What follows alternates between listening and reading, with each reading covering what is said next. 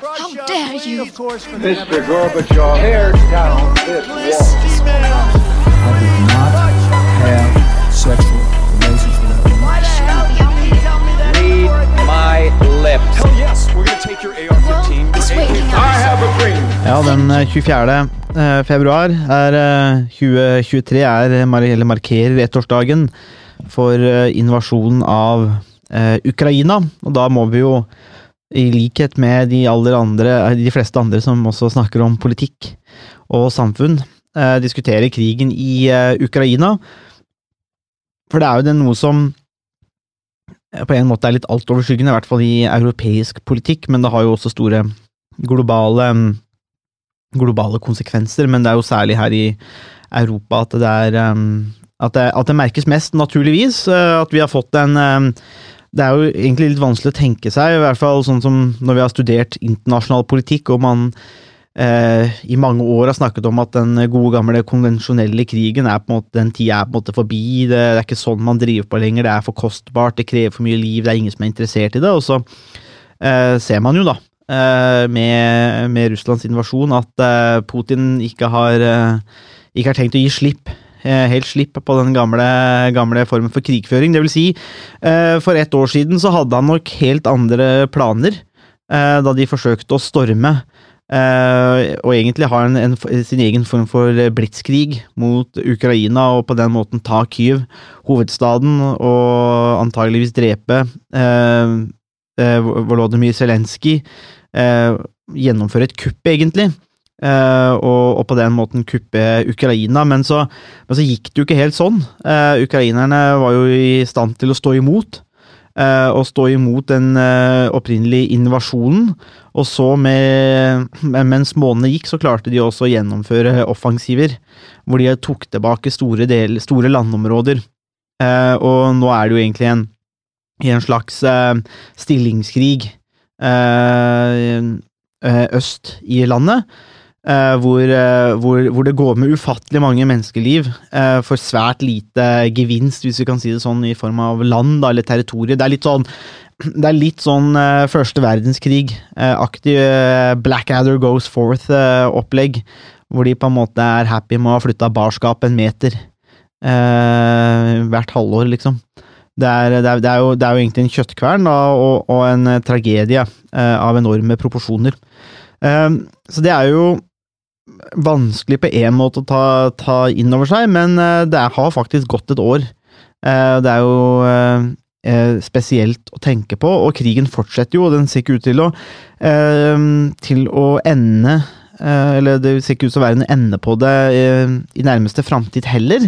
Ukrainerne vil jo gjerne ha tilbake landet sitt, eller det de deler av landet som Russland har okkupert, og Putin og Russland ser ikke, ut, ser ikke ut til å være villige til å forhandle om noe annet enn at de må gi fra seg landområder, og de vil sikkert ha mer òg, og, og eh, hva skal vi si um, Måla og ønskene og de politiske ønskene Altså, alt blir på en måte bare forhøya.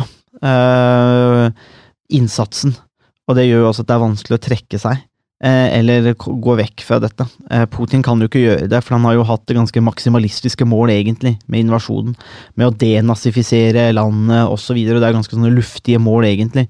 Så da er det ikke bare å trekke seg heller, og akseptere at dette måtte, ikke har gått eh, etter planen. Eh, Og samtidig så har jo også vestlige land og store deler av verden stilt seg bak eh, Ukraina.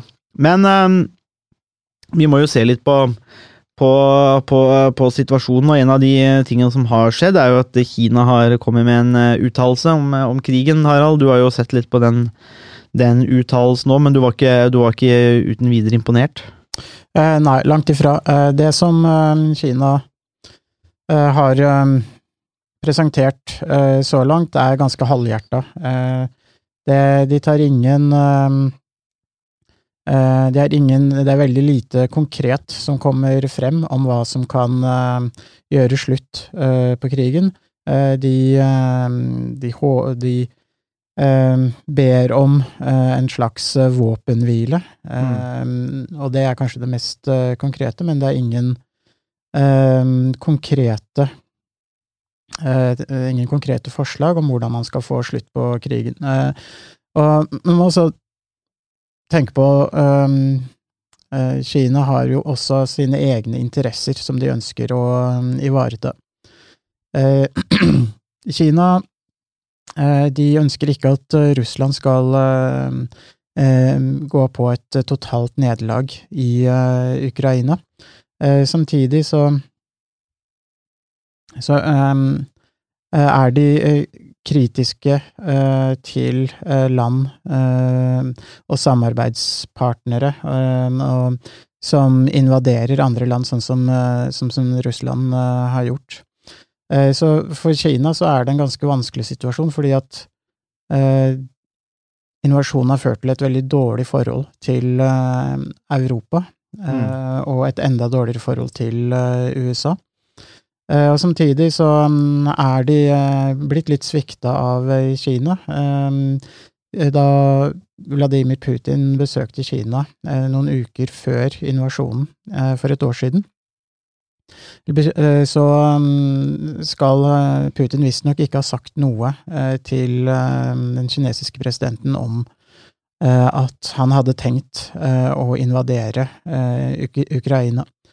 Eh, og eh, Xi Jinping eh, opplevde det som et slags svik, eller at han ble lagt Eller at han ikke ble ført bak lyset, Mm. hva som var Russland sine egentlige eh, hensikter med, eh, med Ukraina.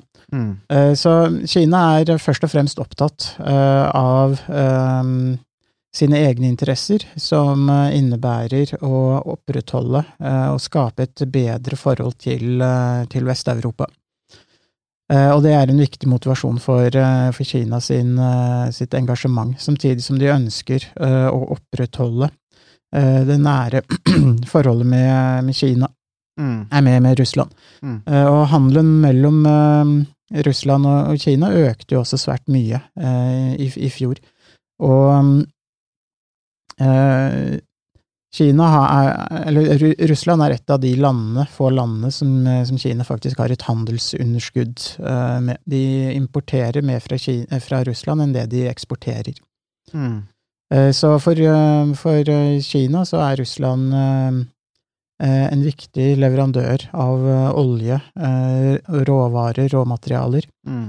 eh, som de trenger til, eh, til industrien sin. Eh, Så sånn sett så er, eh, er Kina først og fremst ute etter å, å fremme eh, Kinas interesser, og ikke eh, være en, eh, en reell eh, partner for fredsforhandlinger. Mm. Så sånn sett så er det veldig halvhjerta, det som er pres presentert så langt, og det er veldig lite som tyder på at Kina vil kunne spille en, en rolle i, som fredsmegler. Det, noe av det som, som også er litt som, som tyder på det, er at eh, en av Kinas toppdiplomater har jo vært på rundreise i Europa eh, eh, den siste uken, eh, og møtte eh, USAs utenriksminister sist helg. eh, og eh, har møtt flere andre statsledere i Europa denne uken her, og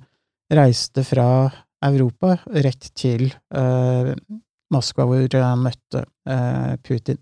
Eh, veldig mange andre statsledere har jo reist til eh, Kiev, eh, Mm. og når Kina da velger å rett og slett bare hoppe over og besøke Ukrainas president, så er det et veldig tydelig tegn på Kinas intensjoner. Og handlinger er jo viktigere enn ord, både mm, eh, både her og i mange andre sammenhenger, og Kinas handlinger eh, viser tydelig hvor de, eh, hvor de ligger, og de ligger eh, nok nærmere eh, Russland enn eh, enn Ukraina. Det er ikke, heller ikke mange dager siden USA advarte mot eh, at Kina kanskje var i ferd med å sende våpen til, til Russland også. Mm. Det har jo også Natos leder Stoltenberg advart mot, og advare Kina mot å blande seg inn på den måten. Det er jo sånn interessant, fordi det er jo, det er jo åpenbart at de, de eneste interessene kineserne har, er jo Kinesa, Kinas eh, interesse. Det er jo, eh, og det er klart at de har jo fått en veldig attraktiv handelsposisjon og forhandlingsmakt med Russland. eh, om forskjellige ting. Når Russland er så pressa, så er det jo også gir jo det også muligheter til å oppnå svært gunstige avtaler når du har en sånn desper, desperat handelspartner. Men og, da, så er det vanskelig altså, I den, der, um, den uttalelsen fra Kina så påpekes, påpekes det jo at, um, at, man må, at land må, må, respektere andre lands suverenitet. Og det er jo Akkurat da burde jo egentlig diskusjonen vært ferdig, for at idet du sier at du respekterer suvereniteten, så betyr jo det at uh, invasjonen er ulovlig. Uh, og dermed så burde jo egentlig Kina støtte uh, Ukraina. Uh, ettersom Hvis dette suverenitetsprinsippet er så viktig, da. Og, og, det er det jo på en måte for Kina, for de forsøker jo å bygge kunstige øyer rundt omkring. Og, og, innlemme også Hongkong, for eksempel, under, i Kina som en suveren, altså under den suverene staten, fordi at det har noe med suverenitet å gjøre. Da kan man, har man en annen form for makt innenfor dette territoriet. Og så kan man også si til USA, eh, f.eks. i Stillehavet, at eh, dere må bare passe dere. Kom dere vekk fra, måte, fra, vårt område, for dette er det suverene Kinas område. Så de er jo opptatt av suverenitet. Eh, så dermed så blir det jo litt sånn halvveis hyklersk, egentlig, å snakke om at suverenitet er så viktig, men så men så kom, er det jo åpenbart, da, som du er inne på, at de har jo helt andre interesser enn det. De er jo ikke så prinsippfaste. De er jo kommunister, tross alt. og da er det jo eh, da er det andre ting som gjelder. Da er det stikk mot Nato, for eksempel, og mot uh, USA. Og, så, og, og, slik at der, den uttalelsen den blir jo halvhjerta, uh, rett og slett fordi at Kinas interesser er jo ikke Altså, de, de går ikke åpenbart til én side eller til fordel for én part. De, de spiller andre kort. og dermed så blir det jo Må det jo bli halvhjerta langt på vei. Og det er jo Men det som kanskje er verdt å merke seg, det er jo det at eh, fordi Putin og, i, og andre i Russland har jo lefla med ideen om å bruke kjernefysiske våpen. Eh, men, men, Kina sier jo kategorisk at det eh, kan ikke skje. Og, og, det tenker jeg også er interessant, for det er noe som også vil bidra til å hindre den form for eskalering, når Kina er såpass tydelig òg. Og det har jo også med en frykt som uh, går på dette med at hvis uh, man bryter dette tabuet med atomvåpen eller kjernefysiske våpen, så er jo problemet for Kina for eksempel, er at de har jo andre stater som de ønsker å kontrollere i Stillehavet, som nok har kapasitet til å skaffe seg kjernefysiske våpen hvis de vil, og det er heller ikke Kina interessert i, og, og verdens atommakter er heller ikke interessert i at du får en, eh, en spredning av disse typer våpnene. For det utfordrer jo deres egen makt, eh, først og fremst. Eh, og så blir, blir, det også, blir jo verden også et farligere sted, hvis det skulle være flere av disse våpnene rundt omkring. Og, så det har jo Kina er, har i hvert fall Kina vært tydelig Der er de tydelige, og det tror jeg kanskje er et budskap som går inn i Kremlin nå. At eh, det er noen ting som på en måte er off limits. Og så kan dere godt bombe Ukraina sønder og sammen, men liksom akkurat der trekker de grensa. Og det kan man jo mene hva man vil om, men det er i hvert fall, slik jeg leser det, i hvert fall ett tydelig budskap da, fra Kina. Ja, eh, og eh, når det gjelder Kina sin, eh, sin situasjon eh, i dag, så er jo også den litt eh, krevende på grunn av den eh, økonomiske stagnasjonen man opplevde med de, med de mange eh, nedstengningene eh, mm. de siste to-tre årene. Eh, og økonomien til, til, Kina er fortsatt ikke så sterk som det den var, har vært, var før pandemien og nedstengning. Mm. Så Kina er veldig opptatt av å fremme sine økonomiske interesser og skape en, en, sterkere økonomisk vekst enn det de, uh, enn det de har sett. Uh, så uh, i etter, etterkant av pandemien. Så for mm. Kina så er, er, de økonomiske interessene antagelig viktigere enn politikken, og også om hva som er rett og galt i forhold til, til Ukraina. Mm. Men hva, hva, tenker du om, hvis vi tenker Russland, da, som land og styresett her? fordi jeg, jeg, ser en rapport på, på, The Guardian som uh, sier at um, at uh, myndighetene i Russland har gitt uh, mediene i, i Russland forbud mot å sitere Wagner-sjefen Prigozjin, med mindre de absolutt må, og at de visstnok har klare sånne propagandakampanjer mot Wagner og Prigozjin. Eh, og at eh, og det har jo noe med, som henger sammen med kritikk mot Putin og, da, og, og det russiske militæret eh, av, eh, av f.eks. Prigozjin og Wagner. Slik at det er jo tydeligvis litt eh, uenigheter her, og litt, litt dårlig stemning. Og det jeg har lyst til å koble opp med noe av det som vi snakker om i, i, i statsvitenskap, litt det der med, med, med autoritære regimer. Eh, fordi vi vet jo at autoritære regimer er mye mer sårbare på, på svært mange måter. Man, mye av makten blir jo samla hos én person eller en liten klikk. Man får denne, det er mye det er mye større sjanse for, og man har mye mer av denne gruppetenkningen, boble, ekkokammeret, som gjør at man ikke får kritiske stemmer. Eh, og jeg har vel i podkasten før snakka om på en måte min opplevelse i Beograd med kulten rundt Tito. Eh, hvor de på en måte fortsatt feirer Tito som den store leder, men Tito var jo egentlig en fantastisk dårlig leder. fordi at han, eh, i det, han døde, så forsvant jo hele livsverket hans i Jugoslavia. Så han gjorde jo egentlig en fryktelig dårlig jobb hvis han ønska at det politiske prosjektet skulle, hvis det var det viktige, da. Kan jo godt hende han bare ville ha en personkult, men, men, men hvis det var målet, da, så var jo Tito en særdeles dårlig leder. Men, men hvis vi i henhold til en del teorier da, om i statsvitenskap, så sier man også at det nett, dette, måte, dette skjer veldig ofte i autoritære regimer. Fordi at man ikke sprer dette utover, sånn som man gjør i et demokrati. Eh, og da, nei, da Tito forsvant, så var det på en måte ingen til å ta over, og det var ikke noe eierskap, og det var dårlige strukturer eh, i landet, slik at det rakna. Mens eh, da Erna Solberg gikk av i forrige regjering, så var jo ikke det noe krise for Norge. Altså, systemet overlever, altså strukturen overlever, og det har jo vi vært innom mange ganger, Harald. Det, og det er også derfor vi har vært ganske sinna på, eller vært veldig særdeles kritiske mot en del politikers atferd og oppførsel og valg, fordi at det, det bidrar til å underminere dette systemet og institusjonene, og som tross alt er viktigere enn enkeltpersonene. Men hvis vi da setter det i sammenheng da, med, med krigen i Russland, hva tenker du om, om interne forhold i Russland? Det er jo vanskelig for oss å si, selvsagt, for landet er jo stengt. Men, du, men, men min følelse da, er at når man ser disse rapportene som kommer ut, og de har sikkert en, en, en noe av sannhet i seg, um, om ikke alt, uh, så tenker jeg at hvor, måte, hvor lenge kan Russland drive på og ha nok støtte og nok ressurser i et land som blir utsatt for sanksjoner? Du har hundretusenvis av mennesker som dør eller blir skada, en økonomi som er skadeskutt, og så har du samla all makten på en måte hos én øverste leder. Eh, hva tenker du om måte, den utviklingen når det drar seg ut nå eh, ett år etter krigens start? Eh, Russland er jo på den ene siden veldig sterkt, eh, fordi all makten er jo samlet på eh, hos én person, eller en eh, veldig liten gruppe personer.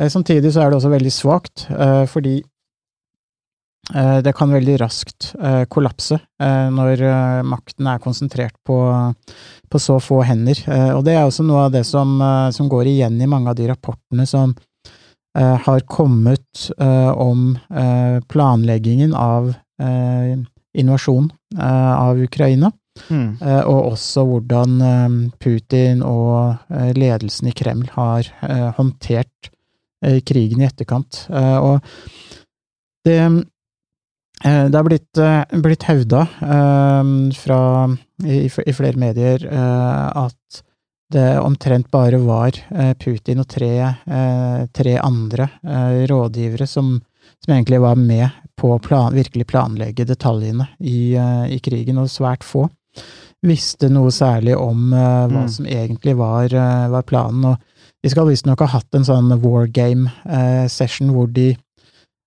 spilte ut alle eh, muligheter og eventualiteter eh, for hvordan krigen kunne utspille seg, og det skal visstnok ha vart eh, en hel natt fram til klokka syv eh, på morgenen. Og en av de få som, eh, eh, som har vært, var med på, på den planleggingen, var eh, forsvarsministeren. Så det har vært eh, veldig få eh, som Mm. har vært med på, på selve planleggingen. Og eh, Financial Times hevda i går eh, at eh, Russlands eh, utenriksminister fikk en telefon eh, klokka ett på natta, natt til 24. eh, februar for et år siden, hvor han hvor først fikk beskjed om at invasjonen var i gang. Og han skal ha vært en av de aller første som, som fikk beskjed, så det var svært få som egentlig visste noe om Mm. om selve invasjonen. Eh, og mm, eh, Sergej Lavrov, eh, Russlands utenriksminister, ble rett etterpå spurt av noen i en korridor i, Kreml, etter at han kom ut fra et møte, om hva det var som, som skjedde, og hvorfor ingen visste noe, og hvem som hadde tatt beslutninger, osv. Eh, og da skal Lavrov ha svart at Putin har bare tre rådgivere. eh, Ivan den grusomme, eh, Peter den store eh, og eh, Katrine den store. Så det er jo tre eh, tidligere eh, russiske ledere som da levde for eh, eh, for flere hundre år siden. Eh, Og eh, det er i det perspektivet mange eh, hevder at Putin også ser seg selv, så det er et selvbilde som er ganske eh, virkelighetsfjernt og grandiost, eh, og hvor han er opptatt av eh, å eh, være en tsar eller en russisk leder som eh, blir husket for eh, eh, all fremtid. Og det har han jo klart, men eh, antagelig med et, eh, et negativt eh, fortegn, siden eh, Mm. invasjonen og krigen har eh, eh, vært en eh, total eh, fiasko eh, for, eh, for Russland. Både militæret og økonomien og samfunnet for øvrig er under sterkt eh, press, og det er et det er et åpent spørsmål hvor lenge Russland eh, klarer å produsere eh, nok ammunisjon. Mm. Eh, det er et, antagelig ikke et spørsmål på kort sikt om de klarer å opprettholde det trykket som de, de har nå, men på lengre sikt så er det et spørsmål om Russland vil, eh, vil ha en industri eh, som er i stand til å, å støtte eh, til å støtte krigen. En må også huske på at Russlands økonomi er på størrelse med Spania, Italia, et middelstort europeisk land. Eh, Så man kan jo tenke seg hvis eh, eh, Spania eller Italia ble utsatt for den samme type sanksjoner som, eh, som Mm. Russland, så ville det også kunne få ganske store konsekvenser på, på sikt. Så det som er spørsmålet, er egentlig om altså, hvem klarer å holde ut lengst. Hvem Ja. er det som har tilgang på mest ressurser? Og der er det eh, er det nok mye som tyder på at totalt sett så vil Vesten eh, selvfølgelig ha tilgang på mye større ressurser, Mm. både økonomisk, militært og politisk, og på eh, alle andre måter. Eh, Men samtidig så har Russland som verdens største land også tilgang på ekstremt store naturressurser, og de, eh, de har eh, lenge hatt en, eh, en opprustning, eh, og, og Russland eh, fyrer av omtrent 20 000 granater, eller artillerigranater, om dagen. Det skal visstnok ha vært oppi, helt oppe i 60 000 eh, på et tidligere tidspunkt av krigen. Og nå er de nede i rundt 20 000. Ukraina er, ligger på rundt 4000, og det er det samme som mange Nato-land avfyrte i løpet av et helt år eh, tidligere. Så det er et ganske stort problem for mange, eh, eller for Nato-landene, å produsere nok ammunisjon eh, til å dekke eh, behovet som, eh, som Ukraina har. Så det kan hende at eh, selv om Russland er underlegent, eh, så har de også noen fordeler med at de, de har store lagre av eldre ammunisjon som de kan på en måte fyre av og pumpe ut eh, til, til fronten. Mm. Så sånn sett så er det Så skal man ikke undervurdere eh, Ki, eh, Russland sin eh, posisjon. Samtidig så, så er de eh, underlegne, og de, de har gjort det mye dårligere enn det de aller fleste så for seg. Mm, Jeg tenker jo det er jo tap. Altså Russland har jo tapt krigen egentlig allerede, fordi det er jo ingen Det, det, det, skjer jo ikke i verden at de klarer å ta Ukraina. Når, de, når du sliter med å drive de regionene du har gjort nå, eh, så, så gjenstår jo store deler av Ukraina.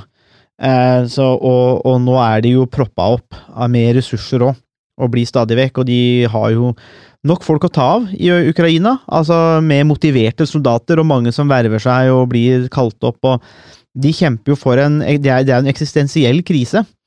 Eh, og det, så de har jo på en måte motivasjonen. Så, og jeg tenker, eh, og Russland har jo tapt, så det synger òg med tanke på at det er jo ingen som er redd for Ivan lenger. Eh, når du ser det, altså Før så hadde man i hvert fall et sånn inntrykk av at Russland var en veldig militærmakt. Eh, og så ser man jo på en måte, når kom, alt kommer til alt, dessverre, at det gjorde det. Men så ser man jo at å ja, det, det er kanskje mer i kjeften enn noe annet, da. Eh, enn når man faktisk går inn, for de har jo blitt slått tilbake. Og så er det jo et enormt tap, tenker jeg. altså Én ting er jo naturressursene, men det går jo store generasjoner her, nærmest, med unge menn. Særlig med i det her. Altså, russerne eh, gir seg jo sjøl enorme problemer med antall døde eh, i, altså, i, av yngre generasjoner, men også skadde, altså invalide, som ikke vil Eller som må, som må ha behandling, da. Resten av livet. Uh, Sjøl om i Russland så er det kanskje bare vodka. Men, men, men, men, poenget er at du kaster bort veldig mye menneskelig kapital. Mye menneskelig potensial. I god uh, Altså, vi må jo bare si det. I god, i god sovjetkommunistisk ånd så, så, kaster man bort menneskeliv. Altså, det, Putin har vel ikke noe uh, større tanker om hva et menneskeliv er verdt enn, det, enn hva Stalin hadde. Det er liksom sånn bruk-og-kast-mentalitet som er også, også som er forferdelig. Og, og, det er jo, tenker jeg, kanskje det som er ja, men det, men det jeg syns er spennende, da, er nettopp det, der, det at man bruker så mye ulike former for kapital som blir borte i denne krigen. Um, samtidig som mye av makta da er sentrert rundt én person. Uh, og jeg, det jeg, jeg, er usikker på, er at uh, Jeg er usikker på om, om det er nok, nok, til å generere på en måte støtte i befolkningen etter hvert til systemet, når man ikke har eierskap til det. Og, og, så tenker jeg at forskjellen på det og eksempel andre verdenskrig var det at tyskerne faktisk sto i Stalingrad. Altså, de var like utafor Moskva. Altså, russerne kunne se at der var de. Eh, mens nå så er det jo ingen ukrainere som står og banker på porten i Moskva. Det er, ikke sant? Er, de, de, må, de må hele tida selge en historie om krigen i Ukraina. Men jeg tenker at den er, den er mye vanskelig å selge inn over tid eh, enn når du faktisk Når folk faktisk opplever at fienden står på døra, da. Uh, og, så, og, man ser jo på en måte at Russland og Putin forsøker å eh, gjøre, gi, i, måte, gjøre, disse referansene til andre verdenskrig og de store krigene og heltemodige greiene, men, men, men, men, det, blir på en måte Det blir så mye mer fattigslig og vanskelig, da, fordi at uh, det er ikke det det er snakk om her. Og da er spørsmålet vil det på en måte være nok motivasjon i befolkningen etter hvert òg, når, når, når, flere og flere dør, da. Og jeg, jeg så jo var det Falkenberg Mikkelsen i NRK som også skrev at eh, mange av soldatene er rekruttert fra fattige perif perifere områder, hvor man kanskje ikke har så mye kunnskap om verden utafor. Men hva skjer når flere og flere, særlig unge menn, da, dør som kommer fra St. Petersburg, som kommer fra Moskva, som kommer fra de mer sentrale områdene? Når, når det begynner å spre seg, hva gjør det med støtten til krigen?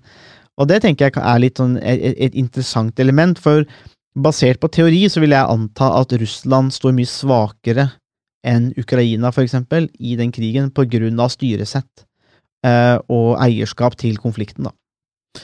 Eh, Ukrainas styresett eh, er jo også ganske svakt på en del områder på grunn av korrupsjon og et demokrati mm. som, eh, som ikke er så veldig godt institusjonalisert. Eh, så det er på mange måter to stater med på mange måter svake statsstrukturer som, eh, som står overfor eh, hverandre i den krigen her. Og det, det er et problem for, for, Ukraina, og det er også et problem for, for, Vesten. Eller var da krigen en redning for det statssystemet i Ukraina? Ja, at det fungerer på en annen måte under krig, da? Det, det kan det være, og man ser jo tegn på at um, Ukraina er mindre dysfunksjonelt politisk enn det det kanskje har vært uh, mm. tidligere. Uh, så sånn sett så kan man tenke seg at uh, det her kan være den situasjonen som gjør at Ukraina klarer å ta et tydelig steg bort fra korrupsjon, nepotisme og eh, kanskje styrke de demokratiske institusjonene i, eh, i, i, større grad. Og det er jo et optimistisk scenario, mm. eh, men eh, eh, Og det kan trenger ikke å spi- utspille seg på, på den måten, men med uh, Zelenskyj så har jo i hvert fall Ukraina en, eh, en leder som eh, eh, som har klart å samle mye støtte, både nasjonalt og eh, internasjonalt. Ser ut til å være riktig mann for akkurat denne krigen. Det er, det er, jo, det er jo vanskelig å si om han er riktig mann i den posisjonen, eller riktig person for den eh, lederjobben, eller eh, i, under normale forhold, eller i, i fredstid, men for det, det veit vi egentlig ikke nok om, men han hadde jo problemer før krigen, og det er jo ikke som du sier, eh, Ukraina er jo ikke noe sånn eh, modelland for eh, god økonomisk eller politisk politikk. Men det kan jo hende at han er riktig mann for akkurat den situasjonen her. Og det var jo denne Jeg tenker jo særlig på det, det er jo flere som har pekt på dette bildet som man, eller, og selfien som de la ut eh, da de ble angrepet, om at vi er fortsatt her med bilde av han sjøl og, og, og flere av toppledelsen. Eh, og det tror jeg gjorde mye for å på en måte sikre den støtta og, og, og, og kanskje ja, samle troppen din i Ukraina. Det at eh, lederne ikke stakk av, men fortsatte å være i Kyiv for å stå imot. Eh, så det er klart at det kommer til Det tror jeg kommer Det bildet og den situasjonen kommer nok til å gå inn i, i som en av de største historiske øyeblikkene i vårt århundre nå. Eh, fordi det er så ja, det viser, det, så det viser jo Akkurat der så viser du lederskap eh, på en og det, Men jeg, jeg tenker det kan jo hende han er en slags Churchill, en ukrainsk Churchill. Kanskje ikke den beste politikeren for landet i fredstid, men den beste du kan ha i, i, i, når det er krig, da. At, at det, det er, det, det er måte hans rolle der. Så det, men, men, men, men likevel så tenker jeg at uh, uansett, da, at det, er når, når, det, det er enklere for ukrainerne å finne motivasjon til å kjempe mot russerne. Fordi at det, er en eksistensiell krise for dem, mens russerne blir jo bedt om å tro på at dette er pedofile nynazister som eh, driver på. Uh, og det er jo et vanskelig budskap å selge år etter år eller over lang tid, da. Når, når, når, du, ikke ser noe til det, og du på en måte Ja, jeg, jeg, jeg tenker det er vanskelig å selge inn, da. Eh, og ikke minst dette nazistbudskapet som de er veldig glad i. Jeg skjønner ikke helt De må jo ha en slags fascinasjon Altså, Jeg, jeg veit ikke om det er dårlig politisk kommunikasjon, Harald. Igjen for å kanskje plugge våre egne fag som vi skal ha her på HJØ, i, eh, i politisk kommunikasjon. Så for de som er studenter og, eller skal studere framover, så tilbyr vi, jo, tilbyr vi jo en bachelorgrad i internasjonal eh, kommunikasjon, men med en profilering i politisk kommunikasjon. Eh, Så vi snakker jo mye om dette, propaganda og ulike former for politisk kommunikasjon. Eh, Så jeg veit ikke, Harald, hva, hva du tenker om. Er det dårlig politisk kommunikasjon og hele tida skulle prøve å hamre hjem dette budskapet om at eh, i Vesten så er det bare nazister? Det siste eksempelet var fra, fra torsdag, da eh, Organisasjonen for sikkerhet og samarbeid i Europa, altså OSSE, i Wien, eh, der det var møte, og den russiske representanten hadde ordet i to minutter, og da gikk mange ut av salen, inkludert eh, Bård Hoksrud eh, fra Frp. Eh, og han eh, De gikk ut. Eh, og var ikke interessert i å høre på den, det, det de skulle si. Det, er, det er kanskje litt rart å sitte i en sånn organisasjon og så snakke om kanskje litt mer trivielle ting når du på en måte invaderer et annet land. Så eh, det var med rette så gikk de jo ut, og da sier Hoksrud at jeg kan ikke russisk, men jeg kjente igjen ordet nazist. uh, og det er jo også tenker jeg som er, det kan, altså, For meg fremstår det som litt sånn po dårlig politisk kommunikasjon å skulle prøve å hamre hjem dette med nazi, men de har en slags uh, fascinasjon for dette nazisme, eller nazistiske elementet her. Ja, altså Det blir sagt at eh, Putin faktisk tror på en del av det, de fortellingene han, mm. han eh, kommer med. Eh, om det virkelig stemmer, er jo vanskelig å vite, selvfølgelig, men eh, det er jo eh, Kommunikasjonen som, eh, som, som Russland eh, kommer med når det gjelder denazifisering osv., er jo selvfølgelig bare sludder og pølsevev, eh, og har jo ingen eh, rot i virkeligheten, men eh, det kan ha en viss eh, betydning, viss funksjon eh, internt. Mm. Men samtidig har også Russland hatt en ganske effektiv eh, propaganda eh, overfor mange land i, i Syd- og i eh, Latin-Amerika, Sør-Amerika. Støtten til Ukraina er ganske lunken eh, sør for eh, eh, USA. Det er svært få land i Latin-Amerika og Sør-Amerika som har uttrykt noen sterk støtte. Det samme gjelder mange land i Afrika, og det er har vært, vært en del besøk fra Russland, de russiske diplomater, i, i Afrika og andre steder. Mm. Eh, Så Russlands propagandamaskin eh, har nok eh, hatt mye større effekt enn det vi eh, opplever i Norge. For oss så virker det ganske ko-ko, alt det som blir sagt, og det er jo, er jo også veldig ko-ko å snakke om denazifisering og, og så videre. Men det er Men det er ganske det er nok mer, mer nyansert bilde når det gjelder Russland sin Mm. politiske kommunikasjon, enn det man kan få, eh, få inntrykk av. Den har, mer, har nok hatt uh, mer suksess enn det vi, uh, det vi tror. Men kanskje mer suksess tidligere. For jeg lurer på den krigen, på en måte For det var jo veldig stor propagandakamp i, i de store månedene. Det, det ser man, det har jo dødd litt. Den der voldsomme propagandakampen, og, for da, og, og da blei jo på en måte russerne drukna litt i, i motpropaganda, kan vi si. Fra ukrainere og antakelig en del vestlige ting. Men jeg tenker der de, som du har vært inne på, for det, det, du har jo helt rett at støtten til Ukraina er jo mye mer lunken i andre deler av verden, og man ser ting annerledes. Og, og det tenker jeg kanskje har med måte, vellykka politisk kommunikasjon i årene fram til det her, da.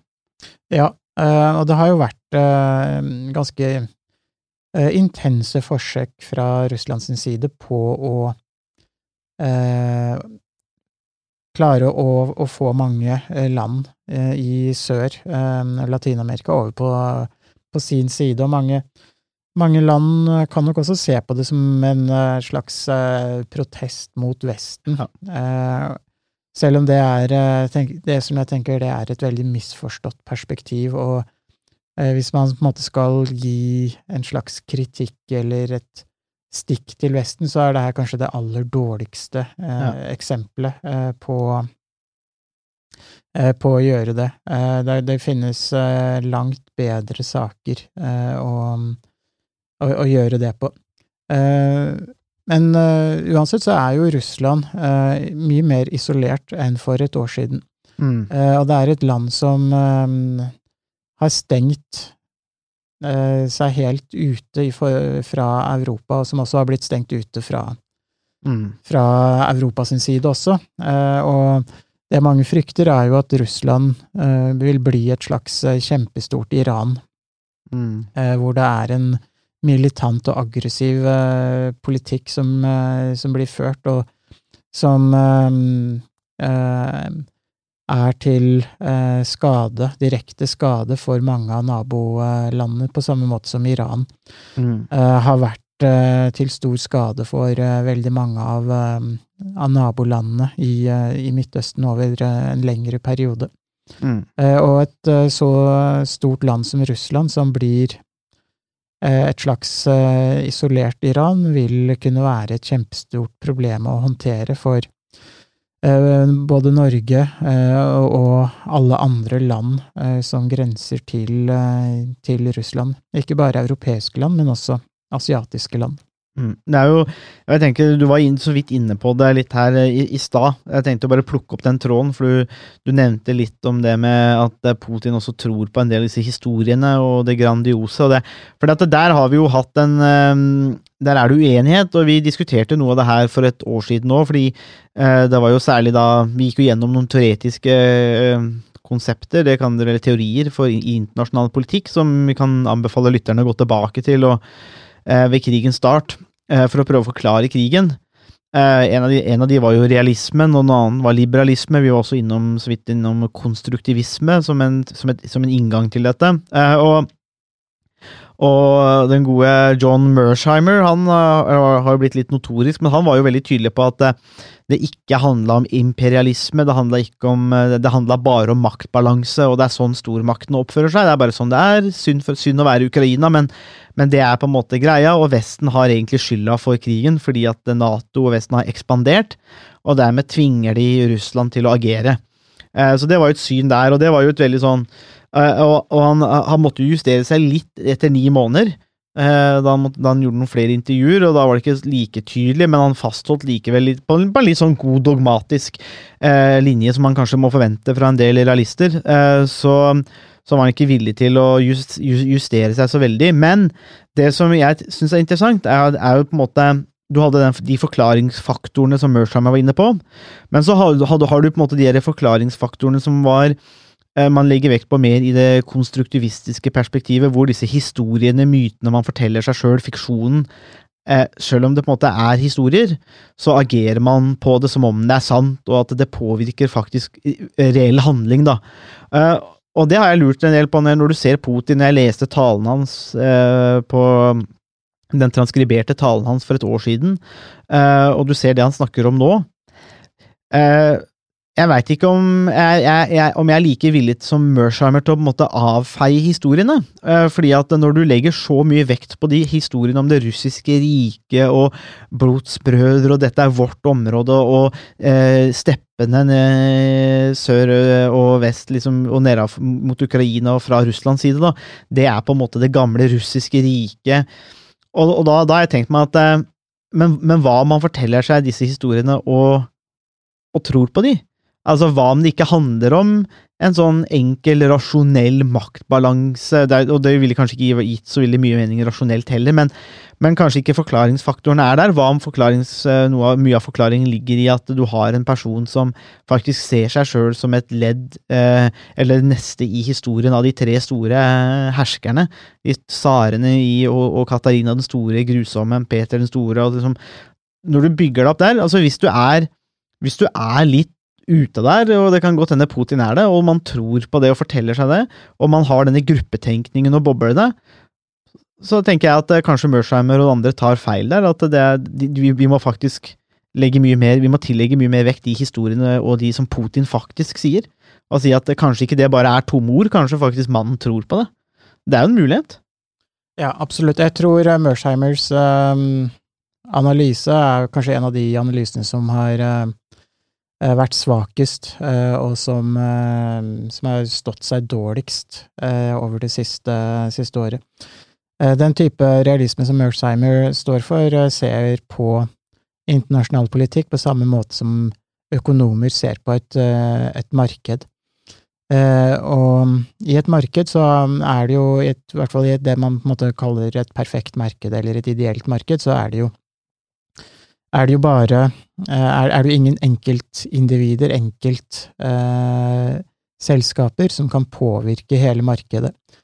Eh, og i, sånn sett så blir det veldig lite plass for individets rolle, eh, individuelle politikere eller andre. Og det vi ser i internasjonal politikk, er jo at selv om det er et, eh, et system hvor nasjonens interesser eh, ofte går foran, og at nasjoner er jo ikke det samme som, eh, som individer og mennesker, fordi nasjoner sover ikke på samme måte Mm. og har ikke de samme behovene som, eh, som mennesker osv., så, videre, så er det likevel eh, eh, et, et relativt stort rom hvor, for eh, enkeltindivider, altså enkeltpolitikere, enkeltledere som Putin og andre, til å Mm. påvirke og til å, hvordan ulike situasjoner vil spille seg ut. Eh, og det ser vi også tydelig i krigen eh, med Mm. Ukraina. Eh, det var ikke nødvendig å gå til eh, krig, eh, og eh, hvis ikke Putin hadde eh, gått til krig, så hadde ikke Ukraina eller Nato eh, gått til, eh, til krig. Eh, så den type analyser som Mersheimer kommer med, fjerner mye av eh, fokuset på aktørene som enkeltindivider, og som Mm. er kanskje påvirket av eh, litt sånn ko-ko historie eh, og en del falske eh, og lite komplette forståelser av, av et lands historie, og i og for seg verdens Mm. historie. Så man skal ikke undervurdere at Altså hvilken rolle en enkelt politiker kan, eh, kan spille i Mm. en sånn situasjon, selv om det eh, ikke nødvendigvis alltid vil være avgjørende, så, mm, eh, så er det Putin som individ eh, og hans motivasjon eh, som egentlig bare han eh, vet med seg selv. Ja. Så sånn sett så mm, så er Mersheimers analyse kanskje en av de svakeste som vi har um, som har blitt presentert det, det siste året. Mm, og så er det jo, er det noe med det at hvis du hele tida skal eh, snakke om at eh, Ukraina og Vesten er nazister, så gir jo det kun mening hvis man kobler det opp til historien om Hitler og den store fedrelandskrigen i Russland mot Nazi-Tyskland. Eh, så hvis det bare handla om maktbalanse og statens overlevelse, så hadde man jo heller ikke trengt å fortelle historiene om, om nazistene. Man hadde ikke trengt dette. For da, da, ville jo argumentet vært åpenbart, at det her handla om maktbalanse i det internasjonale systemet, og, og, det hadde vært grunn god nok. Men, men, det er jo ikke det de sier. Eh, de sier jo noe helt noe annet. Eh, og, og, man forteller jo en annen historie, og så er det jo flere som er villige til å legge skylda på, på Vesten og Nato, og vi har jo diskutert det her en del eh, i podkasten vår, Harald. Eh, nettopp måte hvordan det er jo åpenbart at en allianse som Nato kan oppfattes truende. Jeg tror det er naivt å tenke seg at andre land som eksempel Kina eller Russland, og særlig Russland, da, som har den historien, ikke skulle tenke seg at Nato kan være en slags trussel. Altså det, det, det ville vært naivt å tenke noe annerledes, og jeg, jeg synes det er rart når du hører på noen av disse kanskje litt sånn Nato-fanboys òg, hvor på en måte Nato er bare en, en kraft for, i god, godhetens kraft, og det er sånn Det er for naivt. Eh, men men, men, det er det spranget de da gjør fra at Nato eksisterer som en allianse, til at det nødvendiggjør en invasjon av et annet land som ikke har noe å si i saken, og det er helt ok å ignorere Ukraine, ukrainernes egne ønsker, fordi at i et stormaktsspill så har Nato pressa Russland til å gjøre det de gjør. Det er en slags Altså, jeg skjønner, jeg skjønner jo hva som er tenkt. Men det er å hjelpe seg sjøl til konklusjonen på en måte som ja, jeg, jeg, skjønner ikke, det, altså det henger ikke sammen, eh, og jeg skjønner ikke helt hvordan de får det til, annet enn at de, må, at eh, de som hevder det, må ha en slags forkjærlighet eh, eller sympati med Russland, som på en måte eh, forkludrer synet deres, eller som gjør at det påvirker eh, analysen da, i, i, den grad. Ja, det, er et perspektiv som, eh, som jeg syns det er vanskelig å få til, og som jeg syns det er vanskelig å henge med på. Eh, i, i det hele tatt. Én eh, ting er jo at eh, Nato som organisasjon vil jo kunne utgjøre en stor trussel mot Russland, spesielt i en krigssituasjon. Men samtidig så det, har man vært veldig langt fra en sånn situasjon. Mm. Tyskland og mange andre ledende europeiske land har jo forsøkt å ha en slags forsoningspolitikk, eh, nærmest, med, med, Russland eh, svært lenge, og det, man har jo oversett mm, både menneskerettighetsbrudd eh, og invasjoner og en lang rekke forsøk på å påvirke europeisk politikk fra russisk side. Så man har egentlig vært ganske imøtekommende mm. uh, i forholdet med, med, Russland og forsøkte å inkludere Russland, og tenkte at jo mer handel, jo mer samkvem, jo mindre sjanse er det for uh, å, å, skape en, um, en, situasjon som er spent. Så har vi jo uh, fått det motsatte, og det er vanskelig å se at det er noen europeiske land som direkte har bidratt til, til å skape den situasjonen. Tyskland brukte jo lang tid på i det hele tatt å forstå at Russland kunne mm. agere sånn som de, de, har gjort.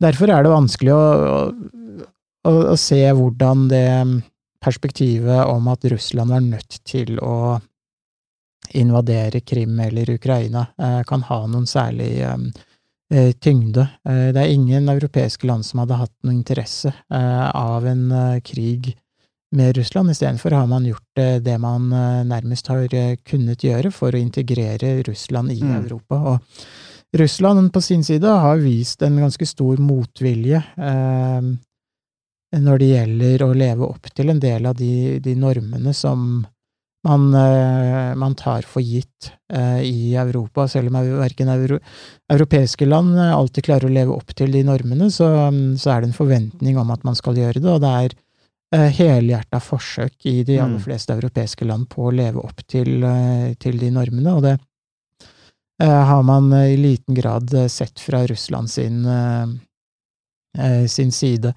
Og det er jo nettopp fordi at den type normer om bekjempe korrupsjon eh, og ha et, eh, et rettsstatssystem som, eh, som grunnlag for eh, eh, for statens eh, virksomhet, det er jo noe som, eh, som går eh, på tvers med eh, Russland, eller med Putin sine interesser for et Mm. slags sånn kleptokratisk eh, eh, Russland, hvor det er en liten gruppe oligarker som har klart å tilrane seg store verdier. Mm. Nei, det er, det er egentlig litt uh, tragisk. Uh, det som vi, så, som vi ser der, og jeg tror ikke det tror ikke nødvendigvis det lover så godt for, eh, for, for Russland heller.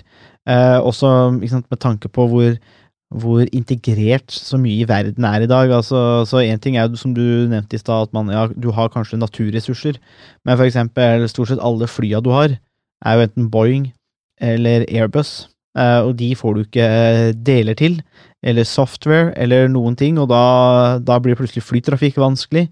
Eh, man er kutta vekk fra eh, markeder, altså aksjer, altså, altså den type form for handel. Det svekker også økonomien, og, og, og, og ikke minst en annen ting som jeg, med, som jeg kom på nå, eh, som vi nesten helt har glemt, det er jo egentlig den massive brain drain som vi så fra Russland i starten av krigen. Altså, svært mange av middelklassen og utdanna russere, de som hadde mulighet, reiste jo. Eh, og til en viss grad så bejubla jo Putin det, fordi at han, eh, han uttrykte jo da at eh, se her, jeg har jo rett, dette er jo bare en sånn kvasi-intellektuell elite som er vestlig orientert, og som forsøker å ødelegge Russland innafra. Men, men det er jo noe som på en måte en paranoid mann vil si. Ehm, det som er tragisk for Russland, er jo det at eh, for det første så, så dør det jo fryktelig mange i de yngre generasjonene på, da, på slagmarka, mens mange av de som er ressurssterke og i middelklassen og utdanna og som bidrar til samfunnet, de har jo reist, og de kommer jo ikke igjen. Eh, med mindre det skulle skje noe helt dramatisk i Russland, men, men mange av de flykter og kommer ikke tilbake. Og det er jo også et tap som er veldig vanskelig å eh, Veldig vanskelig å skulle eh, begynne å bygge opp igjen, eh, når alle de reiser, for det hvor, måtte, hvor starter du da? Ja, eh, den type um, den type eh, brain drain er irre, irreversibel. Eh, De kommer ikke tilbake, og de vil, det er et permanent Mm. tap. Og det leder jo også litt til spørsmålet om hva som vil skje. Uh, Hvordan krigen vil ende, og hvordan Russlands situasjon uh, vil, vil bli over de neste årene. Og nå på ettårsdagen så er det også mange som spekulerer en del i, en del rundt hvordan krigen vil, vil ende.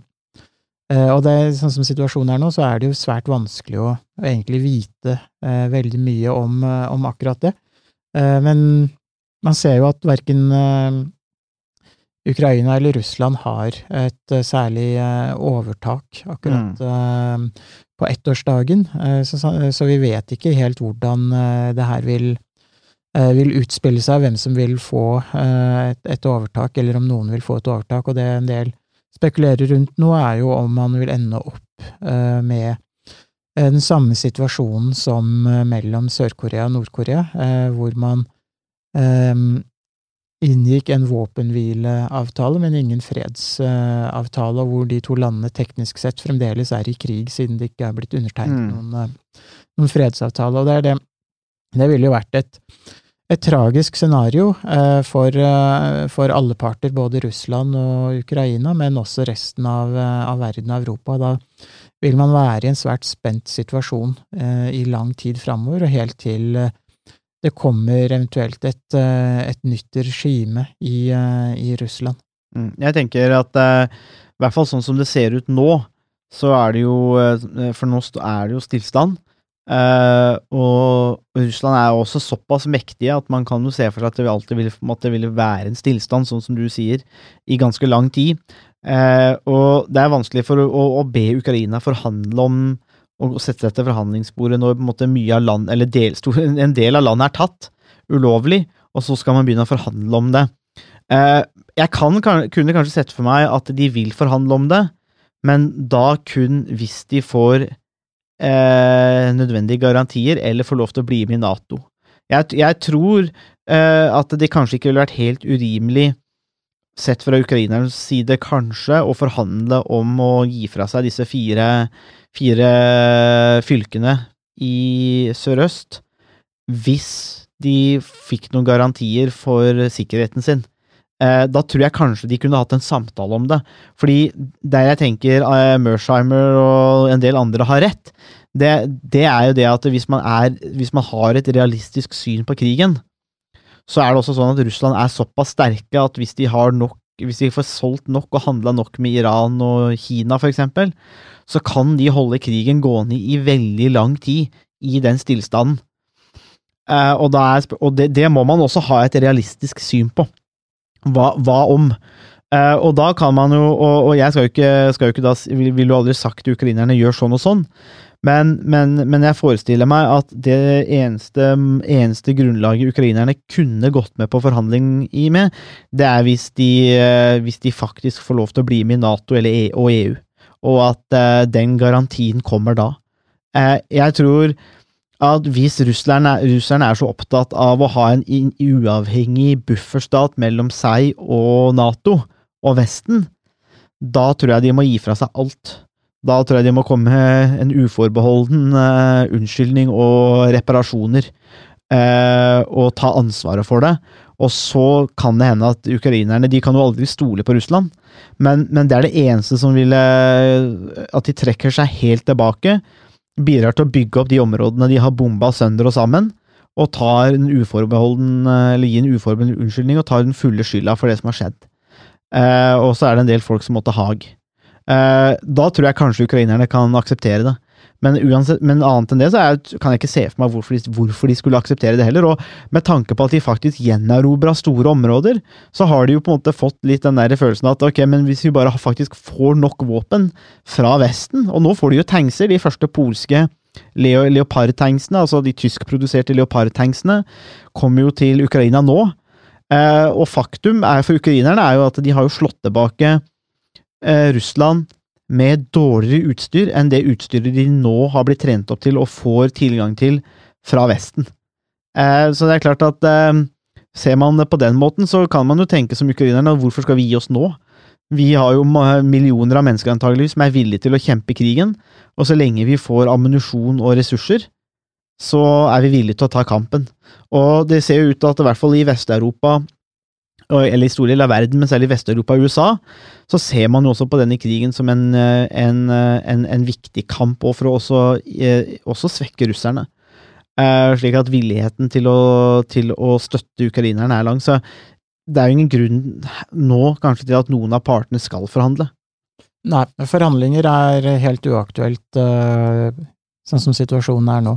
Mm. Um, Problemet for Ukraina er at hvis eh, de eh, på et eller annet tidspunkt går med på forhandlinger og eh, forhandler vekk noe av, noen av områdene som nå er okkupert av, av Russland, så um, er det ikke sikkert at uh, det vil uh, føre til at uh, Russland vil la være å prøve seg med en ny invasjon på et senere tidspunkt.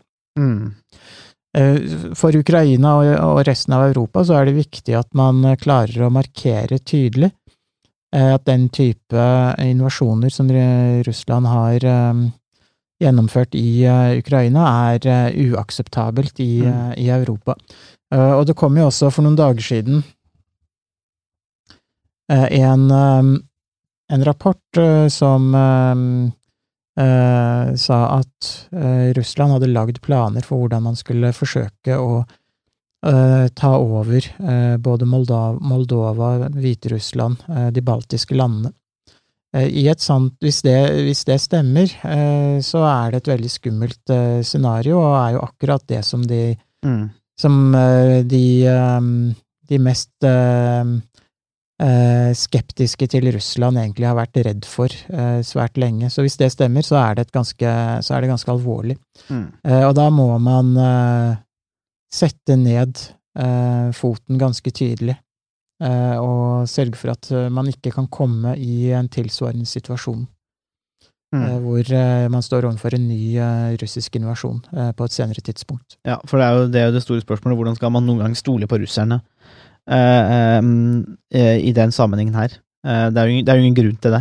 Eh, og, og det som er trist òg, er jo det at dette fører jo egentlig bare til en større opprustning igjen i Europa. Altså, militær er jo egentlig en fryktelig dårlig ting, for det er jo tapsprosjekt langt på vei. Altså, det er jo store samfunnsressurser som måtte gå med, som kunne vært brukt til helse, forskning, eh, andre tiltak for sivilsamfunnet, som, eller de sivile, som ville ha skapt mye større verdier for alle.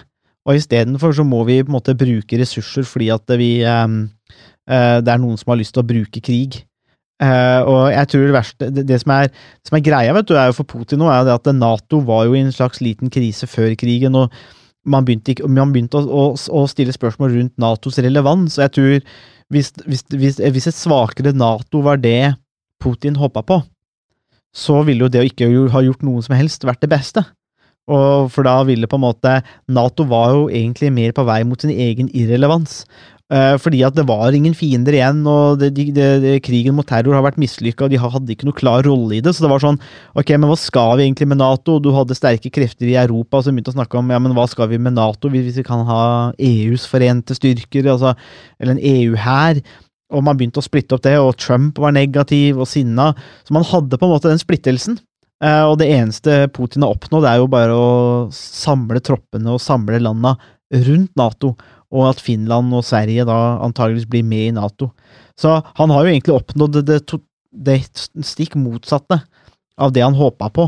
Eh, og, og, så det, det er den ene, og den andre er at ingen kan jo da stole på Putin. Eh, og da, da, da har du ikke oppnådd så fryktelig mye, altså. Nei, eh, det, er- en total, eh, et totalt nederlag eh, for Putin og Russland når det kommer til hvilken rolle Russland kan spille i, i verden. Mm.